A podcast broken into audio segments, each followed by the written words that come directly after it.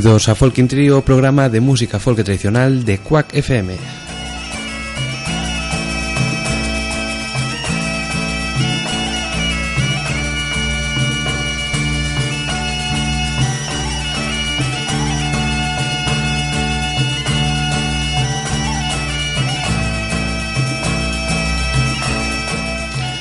Como sempre, estamos no 103.4 da FM Coruñesa ou en quackfm.org.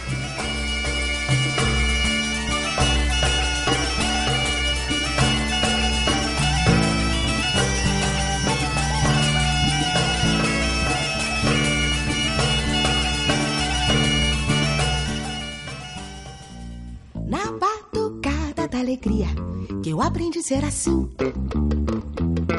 Eu tô alegre, eu tô alegre. É? Ninguém pode tirar isso de mim. Nem de mim. Na batucada da alegria, quero seguir sempre assim. Vamos lá. Eu tô alegre, eu tô alegre. Não vou deixar calar meu tamborim. Na batucada da alegria, que eu aprendi a ser assim. Eu tô alegre, eu tô alegre. Ninguém pode tirar isso de mim. Na batucada quero seguir sempre assim.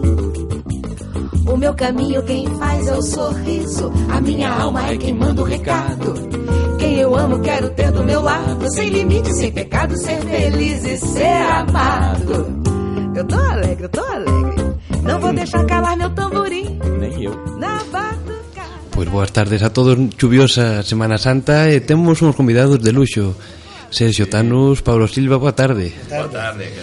Bueno, contádenos porque son brasilegos Xa o nome do disco xa é un reflexo do, do que hai dentro Logo de seis anos en Compostela Como decidiches Como decidiches vir para, para Terras Galegas Despois falamos do disco Ah, vale. Essa, é uma pergunta que normalmente eu tardo para responder, pero eu vou tentar resumir. porque é uma, uma, uma larga, uma longa história, porque eh, eu não decidi vir a, a- vir a Compostela. Parece que Compostela tem um imã que me, que me atraiu. Eu conheci um, grandes pessoas, grandes artistas galegos da minha terra, em Niterói, é, onde vivi toda a minha, minha história musical. Chegou ali o Chia, chegou ali Narfe, chegou Marcos Teira, Pepe Sendon, músicos daqui, né, de Galícia, fazer uma gira na minha cidade, justamente na minha cidade. E eu quedei encantado por, por essa, essa cultura, por essa pela língua, pela música galega e fui, me acheguei a eles e fiz amigos ali, saímos juntos e surgiu a ideia de um dia eu visitar a, a Galícia com o meu trabalho de compositor e de instrumentista. E casualmente, que eu não creio em casualidade, nesse mesmo ano, isso foi passou em abril, em setembro vim fazer uma, uma gira por Galícia. Né, fiz um concerto, dois concertos no teatro principal, me apaixonei por a, pelas terras, pela, pelo pulpo, e fui quedando, e não tive intenção, e quando me dei conta já estava como um, um brasileiro, sabe, integrado aqui a, a música e as pessoas. Xa foi un amor deses de a primeira vista, un, un frechazo Totalmente, totalmente à primeira vista. Quando, quando pisei em Santiago, eu falei, ops, aqui há algo, sabe? Vemos no, no disco, non sei se ten algo que ver Eu vim por aquí unha data que é o 18 de setembro de 2006 Que pasou ese día? Que listo, mira, já se deu conta. Não é uma data, a- a- não é uma data aleatória.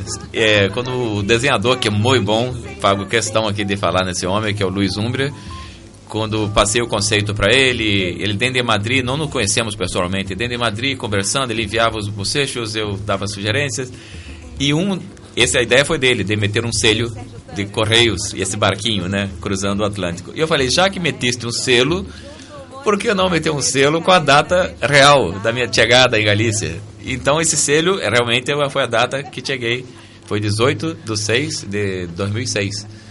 ah, Quando pisei pela primeira vez em Galícia. Então está marcado ali no, no CD. Xa sabía que algo tiña que haber por aí para... É, sim, sim. Pois Iba a dicir xa choveu, xa choveu esta semana Pero xa choveu tamén de que viñeches Como foi a experiencia de, de cambiar de, de mundo? Porque realmente foi un cambio total Sim, é, uma, é uma pergunta é, é, comum, porque realmente perguntam por que um brasileiro assa aqui nesse frio, nessa chuva, não? Pelo, pelo mesmo motivo que os galegos buscam Salvador de Bahia, o Rio de Janeiro, calor e verão. A gente também quer sair um pouco do, do nosso padrão né, de, de vida. Então, ademais de eu escutar músicas novas, estilos novos, aprender muito aqui com os artistas que intercambiei é, música, ademais de eu estar aprendendo, também me, me adaptei ao clima né, é, brasileiro, da minha maneira, claro. Iso debe ser das partes máis máis duras, non? No, não, no, no princípio foi. Porque, mas eu, eh, antes de, de conhecer Galícia, também fiz, fiz umas giras por Alemanha, por França, que era muito mais frio. Então eu fui me adaptando em 2005 para quando pisar aqui na Galícia. Claro, o que me, me molesta é. Normalmente me molesta os galegos não é o frio, é a chuva. Não, o frio, normalmente o que molesta os brasileiros é o frio. A chuva não molesta muito. É, quer, quer dizer, nos limita aí a praia. Solamente é isso, mas no, a chuva no instrumento, sabe que meter sempre para águas para levar o instrumento para concerto, é um pouquinho lioso, mas me acostumei. Não, não passa nada. Estábamos falando cos compañeros que hoxe non están, pero de que este pode ser un dos proxectos que máis une a lusofonía, porque hai proxectos, pero un músico brasileiro que chega a Galicia e que conta con multitud de colaboracións de, de tantos países pode ser o, o inicio se cadra dun, dunha nova corrente lusófona. Bom, isso aí é eu tenho a, honra de fazer parte, de formar parte desse grupo que tenta fazer isso. E eu queria que até espalhar, já que a gente está numa mesa redonda, espalhar a palavra para um amigo, Paulo, grande percussionista do trio, e que também está comigo desde o princípio que chegamos aqui na, na, na Galícia. Conheci, quero- claro, eu queria fazer música brasileira, mas com acento né, o galego. E o Paulo chegou com essa mesma intenção, o Serginho Salles, que agora não está no trio, infortunadamente, pero também formou tudo, que está no Brasil, desfrutando do Só Pra Contrariar, a banda que envolveu, e quedei muito contente por isso. Mas desde de, dessa época, essa coisa, formamos esse trio justamente para poder, né, é, é, é, é nos galeguizar um pouquinho, não? Claro. Tocar música brasileira e o Paulo podia responder um pouquinho, falar um pouquinho sobre isso? Venha, Paulo. Dime. bueno, contanos. Pois que eu vou complementando claro, essa pergunta. Se te passou a pelota. Não, mas eu vou, vou, falando também, é só para que ele fale um pouco. vale. no, primeiro falábamos antes, como foi a, a tua, ponía, ¿no? Claro, a tua adaptación a Galicia e como foi tamén o a vinda. Como, claro, como foi o proxecto de de Sergio como ves na no que falábamos do da lusofonía. Olha, primeiro, nada, isso eu cheguei porque, bueno, foi a eu não queria vir assim diretamente a Galiza, eu estava casado com a, com a minha ex-mulher, então decidimos ir a, a, a Barcelona pela pela coisa da assim muitos músicos muita cultura diversidade então pero ao final estava mal de pela essa que, que é a verdade e um amigo meu que é de, é de é de Bahia de Salvador e que é filho de galego, é imigrante retornado. Disse-me, joder, depois vente para aqui, porque aqui que é boa qualidade de vida, é boa comida, que é Boa barato. música.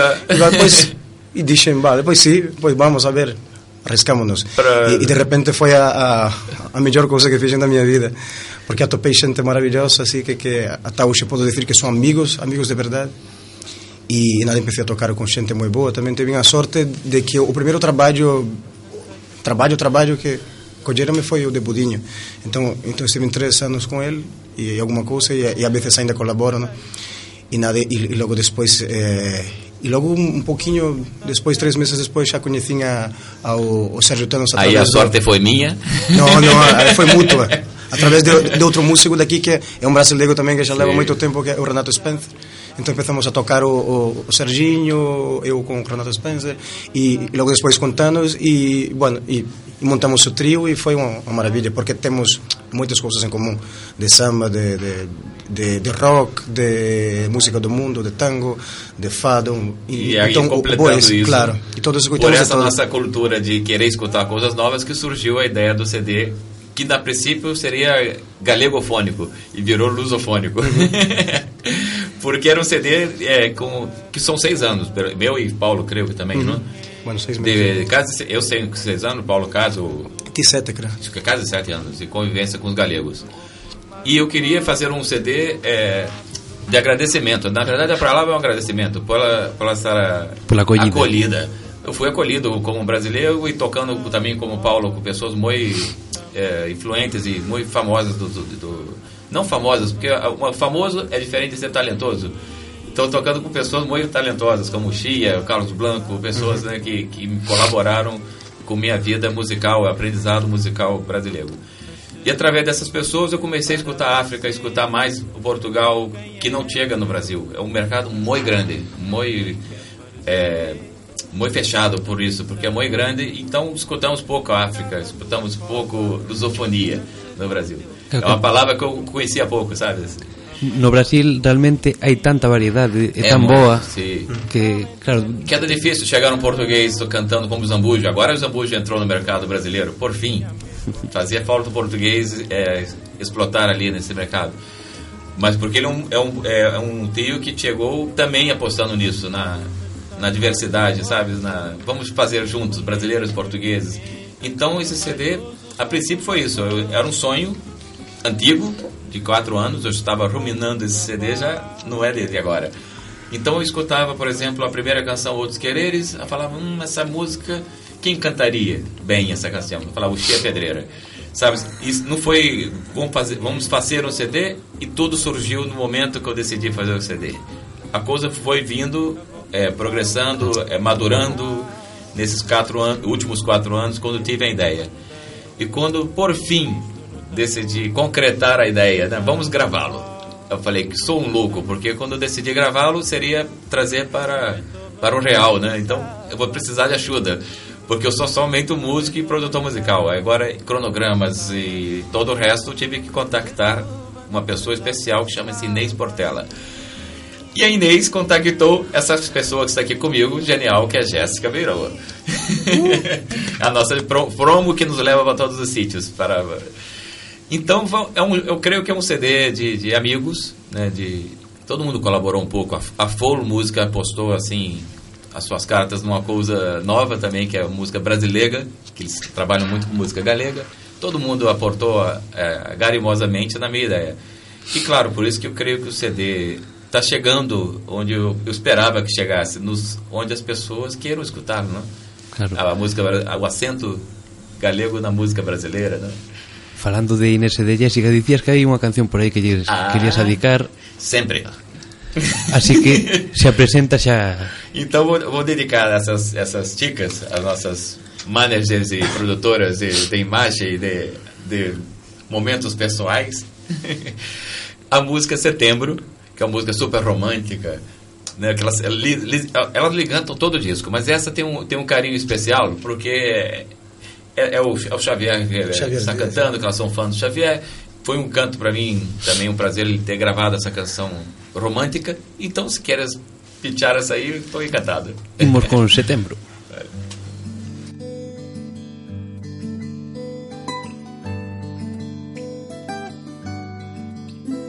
Setembro de apertas roubadas, segredos para as pedras guardar, daquelas palavras caladas que as cordas souberon tocar.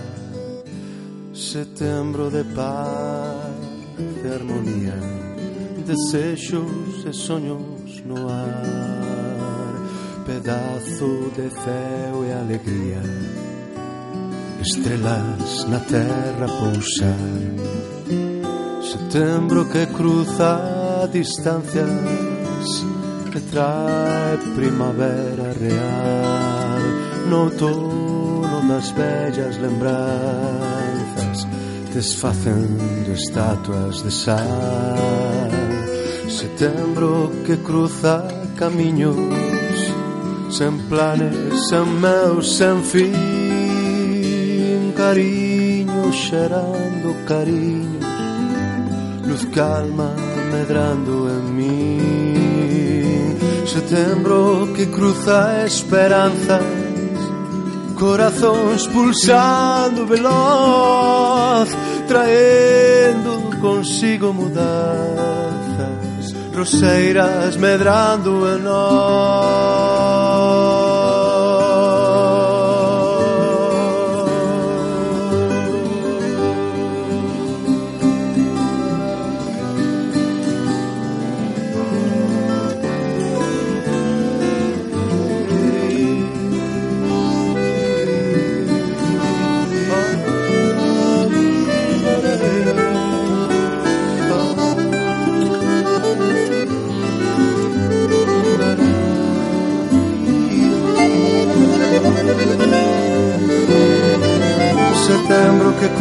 forza, esperanzas, corazóns pulsando veloz, traendo consigo mudanzas, roseiras medrando en nós, setembro que cruza esperanzas, corazóns pulsando veloz, traendo consigo mudanzas cruceiras medrando en nós Traendo consigo mudanzas Roseiras medrando en nós Traendo consigo mudanzas Roseiras medrando en nós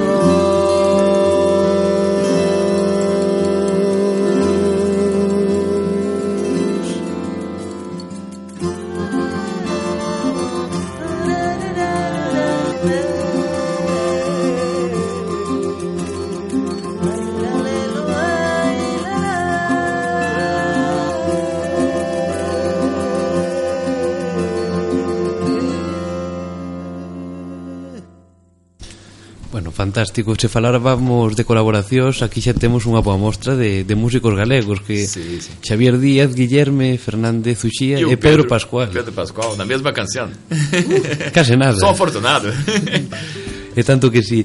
Bueno, contanos as colaboracións porque ao final eu penso que, que, que igual non contabas de, de que desen 42. Não, de verdade não, porque, claro, como, como é, explicar isso? Eu fui fazendo, primeiro, a ideia era vão, cantantes, né, partir do singelo, né? quem eu gostaria de escutar cantando minhas canções. Eu, eu, eu não sei se eu me arrisco a falar, porque eu vou, seguramente eu vou esquecer de alguém, então vamos fazer aleatoriamente. Por exemplo, quando eu falei Outros Quereres, eu imaginava o Chia Pedreira cantando. Patê, eu tô alegre, eu falei, pô, tem que ser uma pessoa muito alegre. Aí pensei na Luanda Cosette e o Norton, que são uns brasileiros que vivem em Lisboa, que são maravilhosos. Aí eu falei, a terceira, que Patê, eu falei, ah, pop. Pop, meio, meio, meio samba, Nájila e, e Narf. Sabe, eu fui, eu fui fazendo duos, fazendo duos, ou eu cantando com as pessoas, ou, deixa, ou simplesmente eu não cantava e deixava os duos é, prota, protagonizar, sabe? Aí depois, setembro, eu falei, uma canção meio, meio em três, essa onda meio galega, tem que ser uma voz poderosa, assim como a do Xavier. É, aí entrou Beethoven, que era um samba. Não, eu falei, eu queria um samba, não com um brasileiro cantando, que é muito tópico, um português. Aí quem seria? Ah, Zambujo. E chamei, e quer dizer, as coisas foram surgindo, sabe? Eu chamava é, esperando um não, sim, depende da disponibilidade das pessoas. E, e eu colhi um, dois, três dias de telefone, porque tinha um casting ali na, na minha frente, agora eu vou ver quem dá o ok e quem não pode, né? Só três, ou daquela lista toda que, que, que fiz, em, estavam num momento complicado não, e não puderam fazer. Estavam encantados de fazer e não puderam. Pero foram todos dando ok, então foi uma surpresa. Quando chegamos ao final das contas, 43 colaboradores, eu falei, uau, é um projeto para as pessoas sonam como orquestra, né? E não é, na verdade não é. Não, porque as pessoas se assustam. 43? Você está louco? Falei, não, mas são 43 é, tranquilamente divididos, espalhados em 14 canções. Essa canção, por exemplo, tem quatro instrumentos, é tranquilinha. E algumas são mais caneiras, né? Bueno, tu xertes os instrumentos Non sei se, se vos apetece tocar algo Vale. Escoitamos por aí o pandeiro Como são muitos colaboradores, eu sugiro falar de cinco, como falei agora. Toco, depois falo mais de cinco. Imos pouquinho a pouco Porque vou sacar os cascos para. Vale, pois deixamos vos con Sergio Tanus en Facemos versión, uma- é. en versión de dúo non? Sí, é, o ok. trío que temos por aí a Ah, Jessica sim. Capandeireta Jéssica vai, vai, vai, nos, vai nos dar a- a- o pontinho galego, somando com o pandeiro de Paulo brasileiro, uma canção chamada Voxenésia. Essa não é canção minha, o arranjo é meu. É de um grande amigo chamado Jacaré, que conta da felicidade que é um homem ir para a metrópole e nunca esquecer a sua origem, lá onde tinha o galo feito com macarrão nos domingos na casa da avó. É mais ou menos isso que fala a música. Um prazer, vamos ali. É. Um, dois, três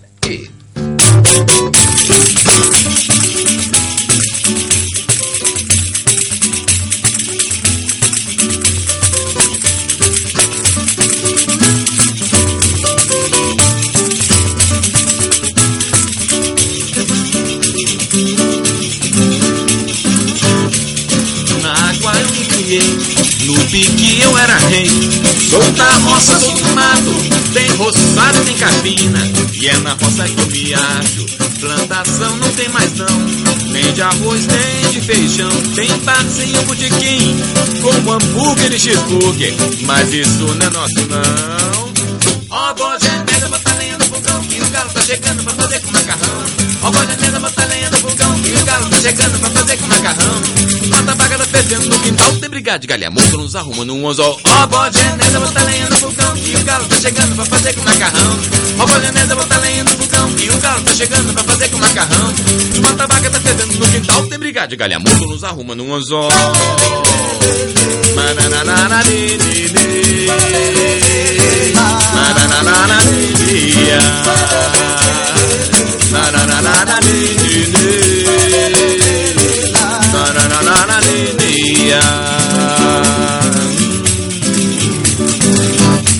Tô cansado de olhar na cidade uma voar. Tem gente comendo gente, Tem gente que dá um nó, tem gente pisando a gente, mas a gente não é capacho. Nós não vamos viver fora. Oi? Vim do céu, terra e mar, aprendo mas não esqueço do meu mote. Carne seca é Brasil. Relembrando a minha terra e o calango que sou meu. Ó, oh, bom genela, bota lenha no fogão que o galo tá chegando pra fazer com macarrão. Ó, bom genela, bota lenha no fogão que o galo tá chegando pra fazer com macarrão. A vaga tá pegando no quintal, Tem brigada de galemão, nós arrumando um anzol. Ó, bom genela, bota lenha no fogão que o galo tá chegando pra fazer com macarrão. Ó, bom genela,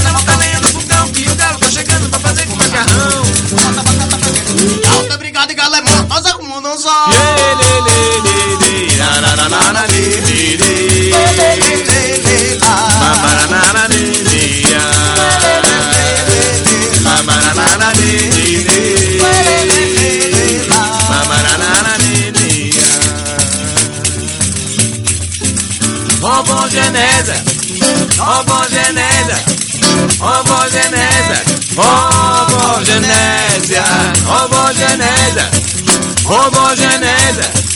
Homogenésia, homogenésia, homogenésia, homogenésia, homogenésia, homogenésia, homogenésia, homogenésia, homogenésia, homogenésia.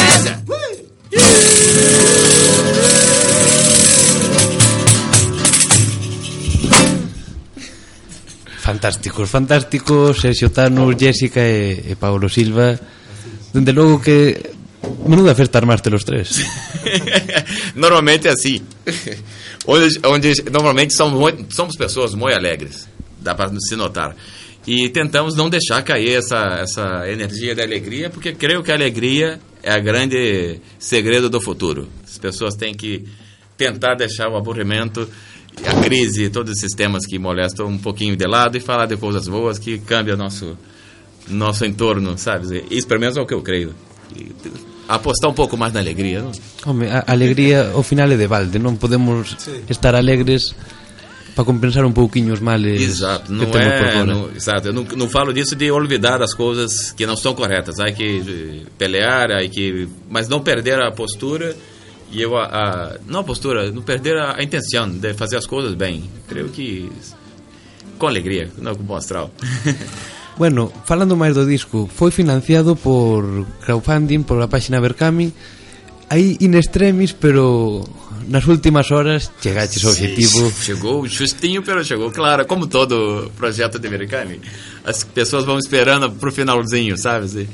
E claro, é, saiu muitas coisas de, de- de- do, do meu bolsilho mesmo, de, de financiação própria, é, porque era um CD que eu, que eu queria fazer assim, independente. Claro, tinha que ter ajuda de pessoas, e, e empresários e, e- e pessoas físicas.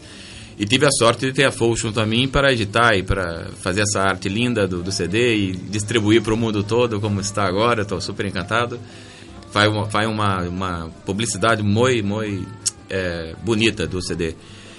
E claro, é, é um CD que creio que, que, que, como foi feito na minha casa, é um CD muito caseiro, pode chamar de um CD caseiro. Montei um estúdio na casa, eu queria que sonasse como, como, como sonava nas jams que eu fazia na, na Borequita, a famosa Borequita de Belém. Então, muito do, muito do, desse, do, desse musicalmente do CD, arranjos, surgiram nessas jams. E eu queria levar esse universo dessa jam, desses músicos galegos tocando junto a gente na jam, para minha casa.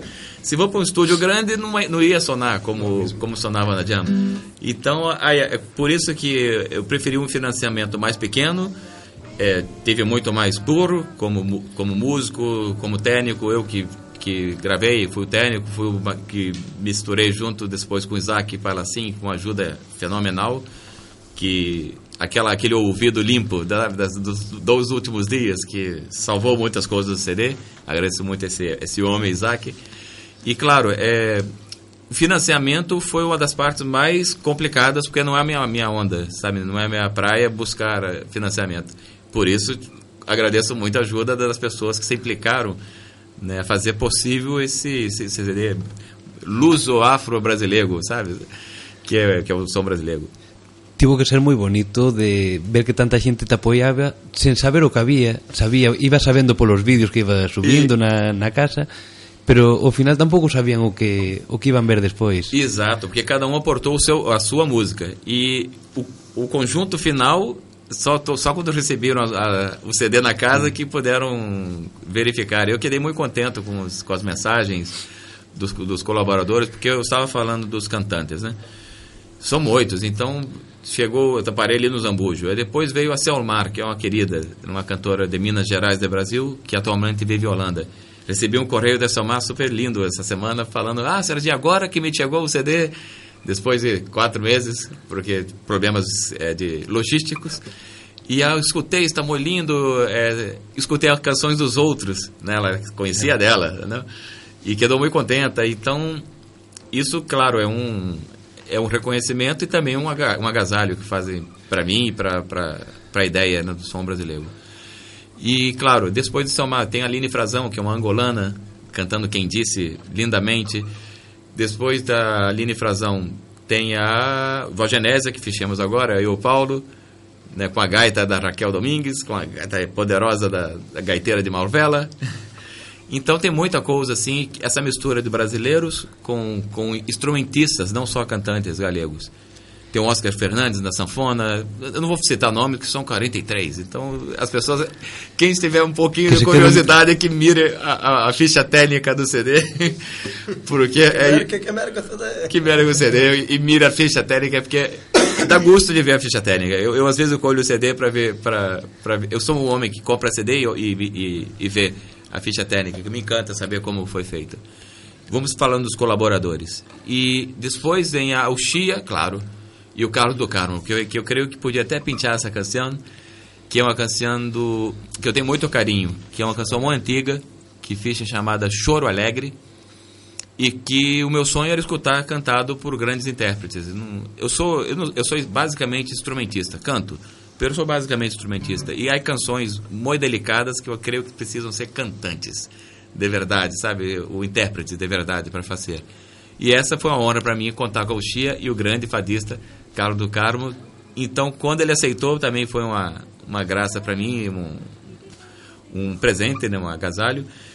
E meti um pontinho de fado no arranjo do choro, que eu creio que ele merecia mais, incluso, do que esse, esse também, esse reconhecimento por ter gentilmente, fui a Lisboa, é, a casa dele, conversamos, um mês depois ele gravou, muito, muito bem para mim.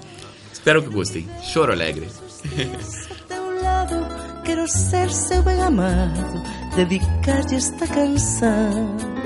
Pois nossas vidas se encontraram no presente de um passado tão ausente, onde eu te fui buscar. Mas o destino, oh meu Deus, não posso explicar. Tu foste embora e eu não consigo nem chorar. O amor não teve início e nem fim ele terá você é meu amor e o meu pai. O amor não teve início e nem fim ele terá. Você é o meu amor e o meu pai. Não quero um choro tão tristonho, amargurado, com lembranças do passado e vivendo de ilusão. Pois essa vida é um mar não navegado ondas feitas no acaso para levar meu coração. Prefiro un choro con Aquí ti adicacheste a escoitalos magnificamente e, dicir, eu aquí non vou cantar, non? Ah, Não vou, como vou cantar isso, sabe? Se Há canções que eu não não vou, não, não consigo escutar essa, essa- algumas canções na, na voz de outras pessoas. Incluso no concerto é, do Som Brasileiro, é, eu fiz adaptações. Algumas eu canto, outras eu não canto, porque, é, o- por exemplo, como cantar essa ocasião sem o pelo, sem o Carlos do Carmo? Sem o Carlos do Carmo, posso tentar nunca substituí-lo, mas eu posso fazer a parte do homem, canto com o Chia, vale? Mas sem o Chia, tampouco é possível fazer essa canção. Algumas eu abstenho de fazer ao vivo e, e reemplacei por canções que já fazia antes. E eu acho que é- esse é o espírito do, do som brasileiro, essa coisa da ser maleável a se adaptar às coisas, né? E eu, eu me emociono quando escuto essa canção, até hoje me acorda coisas, sabe? E o que debeu ser tamén moi fermoso foi o concerto de presentación en Santiago, porque tamén reuniches ali, non a todos, porque non imos dicir imposible, pero casi. É, tecnicamente seria quase impossível. Então, por exemplo, foram vários. é, é, da safra de músicos que eu convivi, foram muitos a gravar. E aí eu, eu- eu chamei as pessoas, enviei um correio, olha só, eu, me gostava muito que todos colaborassem, pero tecnicamente impossível. Então, se gravaram dois violinos, eu elegi um violinista e, e foi. Se eram duas sanfonas, foi um sanfo- sanfonista e, e pilhou a música do outro e todos quedaram, entenderam perfeitamente o que, que eu queria, que não era possível realmente chamar entradas e saídas, mas foi muito bonito a, aquela o encontro no cenário. Por- bastante xente houve. Oh, só os portugueses, alguns não puderam. O Zambujo estava no Brasil, justamente na minha terra, na, em Niterói, Rio, fazendo concertos. Carlos do Carmo tinha um compromisso de família, de uma boda. E, claro, a, todos os, a maioria dos cantantes estavam ali. Foi um, foi um prazer, claro. Foi uma festa. Foi um lançamento. E agora, despois do, do Son Brasilego, como se vai mover Sergio Tanos por Galicia? Porque tes unha banda que agora o que falábamos antes, o, o Serginho marchou. Sim, mas é, é, aquelas. Eu, eu creio muito que os males vêm para o bem. O Serginho, eu nunca toquei com um músico tão sensível e tão entregado, assim, como de bom gosto, sabe, de feeling. Quando eu me enterei que ele ia quedar no Brasil com, com um grupo que, claro, ele, eu, que, que é impossível negar essa, essa, essa volta do grupo só para contrariar. Eu, a princípio foi uma sensação de, ah, sabe, vazio. Quatro anos tocamos juntos. Eu falei, não, mas não, cinco anos tocando juntos. Eu, Paulo e, e Serginho. Então é uma sensação de vazio. Perdemos um, um irmão, um filho, sabe, aquela coisa. Depois eu falei, não, o CD está, o som brasileiro está recém-lançado, como um, um filho. Por que também não, não criar novamente um, também outra, né, outra, a mesma sonoridade, porque o, o músico que substitui o, não falo nem substitui, que entrou para fazer parte, porque não ninguém se sub, reemplaça por ninguém, é um grande músico, é o Pablo Seoane, um pianista, que vai aportar muita coisa também é, da história galega e jazzística musical que ele tem. A banda, fechamos o ensaio e está maravilhoso. Então, ao mesmo tempo que é, as coisas acontecem, às vezes, para a nossa aparentemente susto, né? Depois tem os, as compensações, que eu creio que sempre vem as compensações. Entrou o Guti, Gutier, que é um músico impressionante, né? Toca multi-instrumentistas, toca sanfona, violino, whistler, gaita. Ele vai ser a conexão, ele e o Pablo vão ser a conexão galega na banda que faltava. Então temos agora eu, Paulo, brasileiros e dois galegos. Mitad, mitad, mitad, mitad. Metade, metade agora. Antes era, eram- é, os brasileiros eram a maioria. Agora tá brasileiros e galegos perfeitamente é, juntos ali, fazendo a- um novo também, um novo trabalho. Isso é bom. Um novo trabalho baseado no som brasileiro. Os arranjos são iguais, vamos tocar o que é no disco. Pero com, com sangue novo, isso é muito bom. Me encanta reco- recomeçar. E cales van ser as oportunidades da xente de ver esta, esta nova banda en directo? Uh, agenda? A Hai- ver, sabemos que o día 6 estades en FNAC en, aquí na Coruña. Sim, Finac. A primeira, a- tu tá bem inteirado, que bom, porque eu que sou fatal com produção. Mas vamos ver se eu me acordo. Creches? Ó, a primeira coisa tem a, a Finac, dia 6. Depois temos dia 15, 15 uma, uma, uma jam, uma reestreia da jam. Vamos volver a jam na Boraqueta. que já vamos fazer umas provas com músicos também novos, com Pablo e com, com Guti. Provas não, vamos fazer umas apresentações né, ali. Depois temos o 19 de abril, tudo em abril, em, no Liceu, em Porrinho. Porrinho. Então já convoco as pessoas ali de Porrinho que compareçam a ver a nossa brasileiridade. Depois tem um, um que, que vamos centrar nossas, nossas fichas também, que é em Santiago, que a gente queria é, o primeiro é, concerto do, da formação nova desde o lançamento, que foi 18 de dezembro. Então, com a formação completa, com Gutier, com Pablo Cione, vai ser esse também, de Santiago, dia 25 de abril. Em Crecha, depois falaremos com a Aitana, assim que já nos contará. Exato, ela vai ter que contar detalhes. E nas Crechas, celebrando o dia lusófono, que é o 25 de abril, vamos fazer o som brasileiro, rematando com uma jam no final. Uma festa que vai pela noite adentro. Há que dormir pela tarde esse dia, que vai ser... Que eu me acorde, tem essa agenda. Em maio tem outras coisas, maio tem Riancho, vamos fazer dia 24 de maio.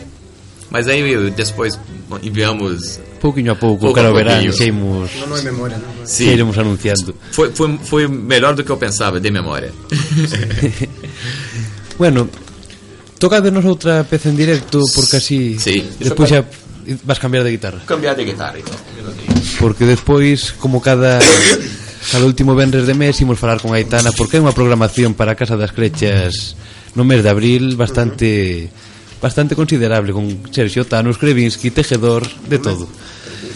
Así que nada, deixamos vos outra vez con Sergio Tanos, contanos que. Sim, eu pensei, pensei em fazer uma coisa distinta. Não está no CD, pero um instrumental de viola caipira, que é esse instrumento que sona super interessante, que é do interior do Brasil. É derivado da originário de Portugal, chegou ao Brasil e cambiou. E toca ali com os campesinos que tocam esse instrumento, no, a princípio, com dois dedos, e já sona assim. E eu me apaixonei por esse instrumento. E vamos fazer uma pecinha aqui instrumental. E quizá o Paulo cante algo no meio dessa. Quizá sim, quizá não. se ele se inspira, ele, ver se inspira. se ele se inspira, ele canta algo aqui de, de improviso no meio da peça, chamado O Ovo, de Hermeto Pascoal, com, com arranjo meu e depois eu outras para outros caminhos. Vamos lá, O Ovo.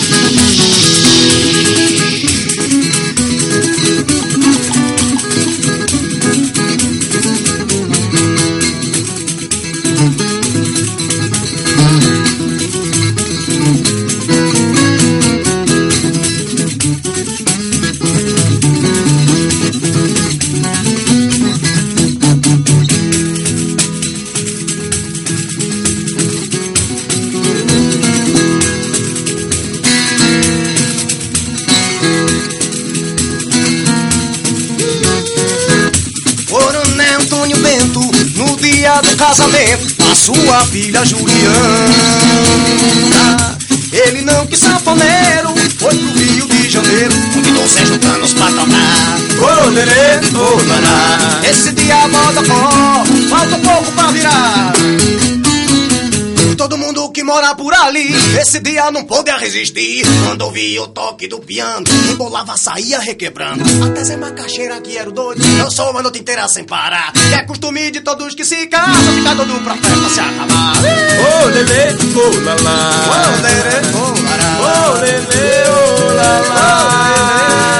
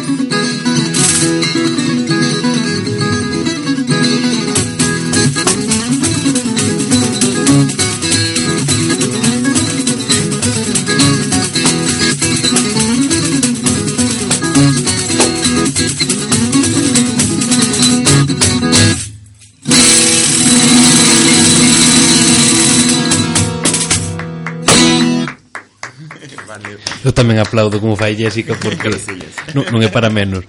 Bueno, eh, como ve Sergio, Tanus e tamén Paulo o futuro porque en Galicia estamos apretadiños para, para a cultura. Como vedes? Creo que temos que no meio da crise, temos que ge- gerar novas saídas, novos caminhos. Eu sempre penso nisso. Como foi com o caso do Serginho, que é, geramos novos caminhos, com a crise é o mesmo. Vamos gerar novos, novas. Se não podemos tocar em como tocamos nesse mesmo sítio, criamos outros sítios. Não buscamos outros mercados, nada de desanimar. Não, não vamos dar força para essa crise. Claro, eu estou de, de acordo também. Essa é, é uma época que mais que nada hay que hay que juntarse, ¿no? E um ajudar ao outro, assim, porque bueno, já somos eh, ¿no? somos pouquinhos, então se não nós eh, não ajudamos não, uns aos outros, já a coisa ainda queda mais difícil. Então agora esse é o momento mais que nada de, de ver eh, que, que, quem são os amigos e, estar Exato. junto da gente, não? E, e, e dar mais força, não? Assim, porque a alegria, a união faz que, que a coisa vai para arriba, sabe? Seja, que, que está mal, pero eu, eu, eu, eu vejo um futuro eh, eh, promissor, não? É que podemos sair un pouquiño reforzados, non? Claro. Sim, eu creio que todo mal vem para o bem. Aquela meu, minha, a crise vem para cambiar coisas que não, não funcionavam, que estavam mal. Então, como vem a enfermidade para dizer que há algo mal no corpo. Então, se veio a crise, há que estar atento, há algo mal. Sabe, há dinheiro mal administrado, há que melhorar a, o sistema de político e essas coisas, todos já sabemos. Então, a crise é para provar que algo não está bem. Fazemos o que quer dar bem e não, e não vamos reclamar. Nós votamos, não? Claro. Bueno, que vos parece se chamamos a unha amiga vosa como é a Aitana que temos que presentar a programación de crechas e vos que sodes Sí. uns habituais das crechas pois así tamén falamos todos un Mellor pouco unha, unha voz femenina bonita, non? un voz de macho todo o rato. Mentre escoitamos un deste cabaco con pullover que tamén ten unha bonita historia Tem. E eu que sou brasileiro, tentei tocar assim mesmo e não deu, fui levando, me virando, carregando a minha cruz, escorregando o cavaco naquele pullover safado que eu pus. Cavaco com pullover, pra entender. E essa combinação nunca mais eu vou fazer. Cavaco com pullover, não dá pra esquecer. E essa combinação daqui por diante jamais vou fazer. E essa combinação daqui por diante jamais vou fazer. E essa combinação cavaco e pullover pode esquecer. Brasileiros. En Europa faz frio.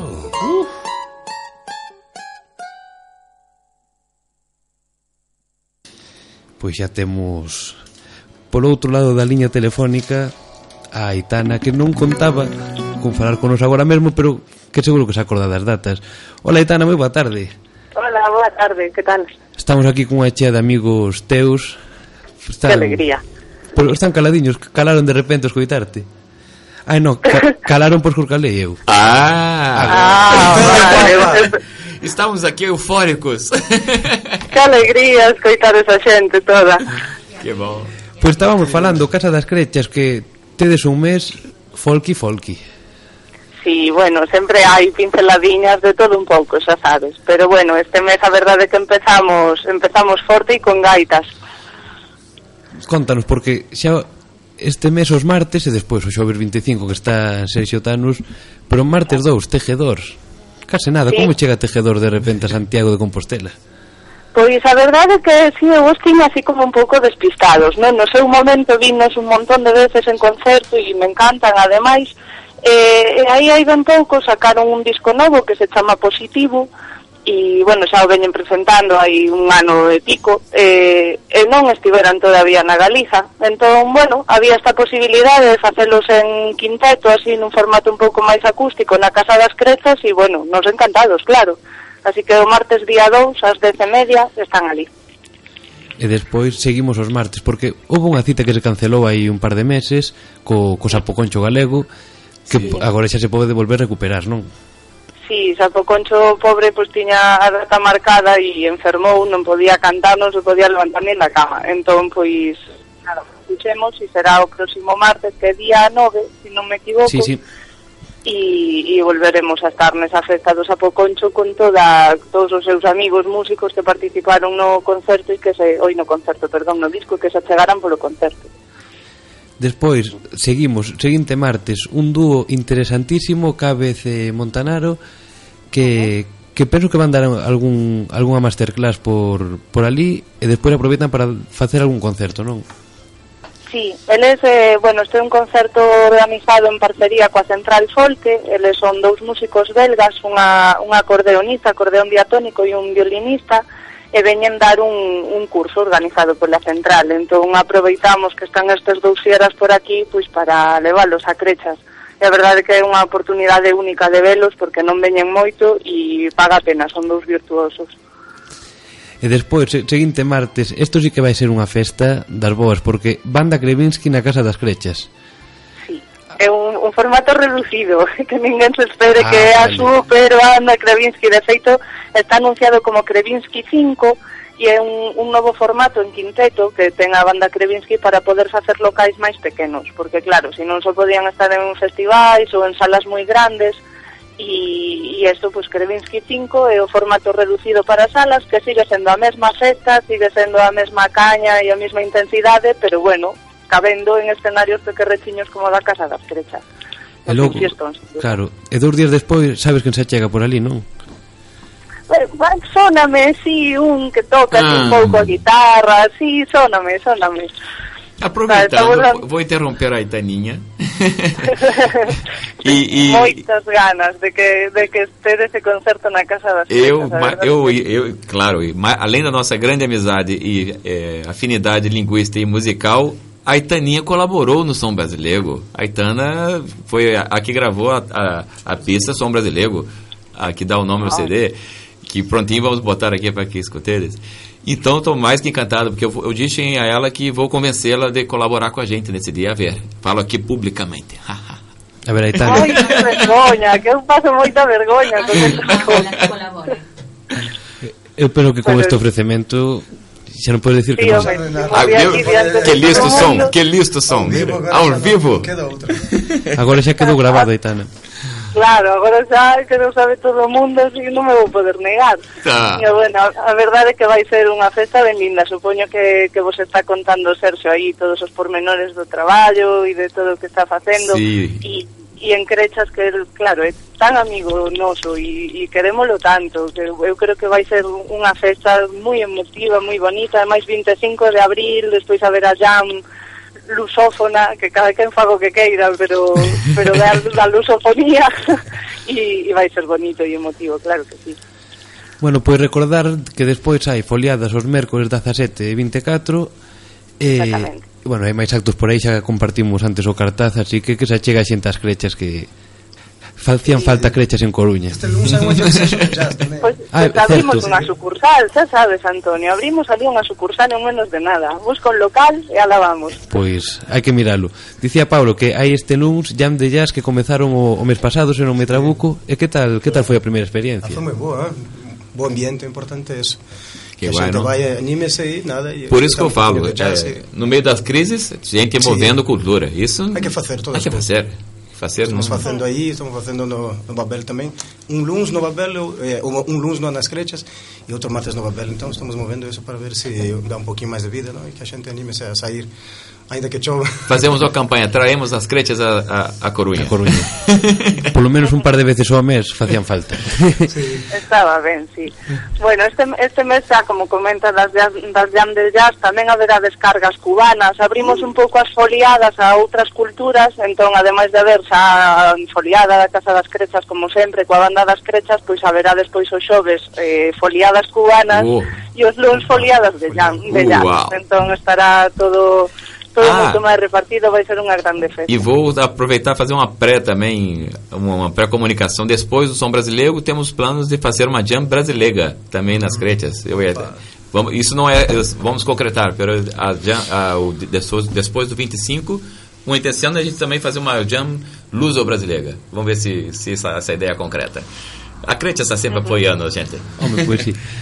bueno, pois Aitana, deixamoste por coxe, imos xustiños de tempo, pero xa nos veremos mismamente o martes que ven. Dinos, Pablo. Non, non, é outra ah, cosa. Despois vale, vale. eh, e iso xa nos veremos. Pois senón, en maio xa falamos. Vale, Perfecto. unha aperta... Pues un bico para todos. Biquiña, Aitana. Chao, chao. Que guai. Bueno, Así da gusto, menuda programación, qué gusto da vivir en Santiago, ten que darlo, non? Uh -huh. eh, contádenos, porque xa quedan os 3 minutos e medio de programa que a 57 cortamos. Eu pensava fazer uma coisa, se, se, se te, te, te, parece bem, encerrar com a canção do CD, porque ali dei tudo. Eu quero que tudo que eu, que eu tinha que falar, eu já falei. Marcos, eu, eu, eu, vou, vou falar uma coisa muito rapidinho.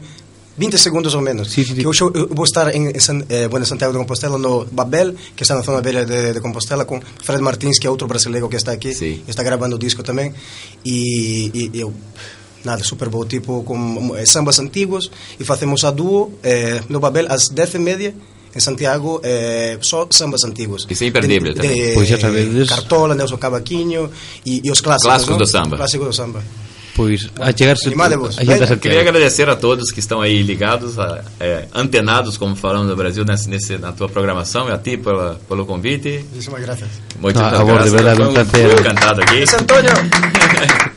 Así dá gusto, un poño tamén colorado. bueno, pois en serio, gracias a vos, gracias tamén a Jessica e a Inés e, Como sempre, essas e duas. por moitos anos de, de, de son brasileiro. E, e que levemos o som brasileiro para máximos rincões que podamos. E creio que essa canção será bem a, a, no- a nossa história, que fala a letra de por que estou aqui. Entón, que diz, de pinchala ou de tocala? Então, pincha-la. Pinchamos que é máis fermosísima. Sim. Pois imos co Son Brasilego que a, que a, a, a pista que pecha o disco Que Así que ao CD. Tamén Pois nada, Sergio, Paulo, Jessica Graciñas por vir Gracias. eh, Xa sabedes, agora que xa chegastes unha vez A segunda é máis fácil Vale. Unha aperta Aperta. Di Antonio, gracias. Me perguntaram se sou brasileiro. Eu respondi que depende, a ver. Eu chacolinho, jeitinho galego que junto ao brasileiro fez minha forma de ser. Eu chacolinho, o jeitinho galego que junto ao brasileiro fez minha forma de ser. Somos irmáns e casi almas xemeas Somos dous troncos da mesma raiz dois sotaques, a mesma semente feijoada bem quente, temperada com X. São dois sotaques, a mesma semente feijoada bem quente, temperada com X. Sou um brasileiro, mangue peixego. Sou um freito 100% de uma nova raça de gente que chegou pra viver. Sou fruto 100% de uma nova raça de gente que chegou pra viver.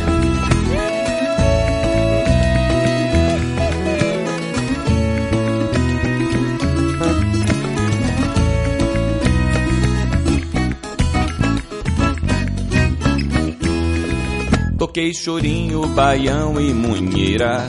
Galiciteira virou meu país. Um alalá de alma brasileira todo dia me beira com uma meiga que diz. Um alalá de alma brasileira todo dia me beira com uma meiga que diz. Pediste um beijo e te deram um bico. A tua nota em bilhete virou. Com dois países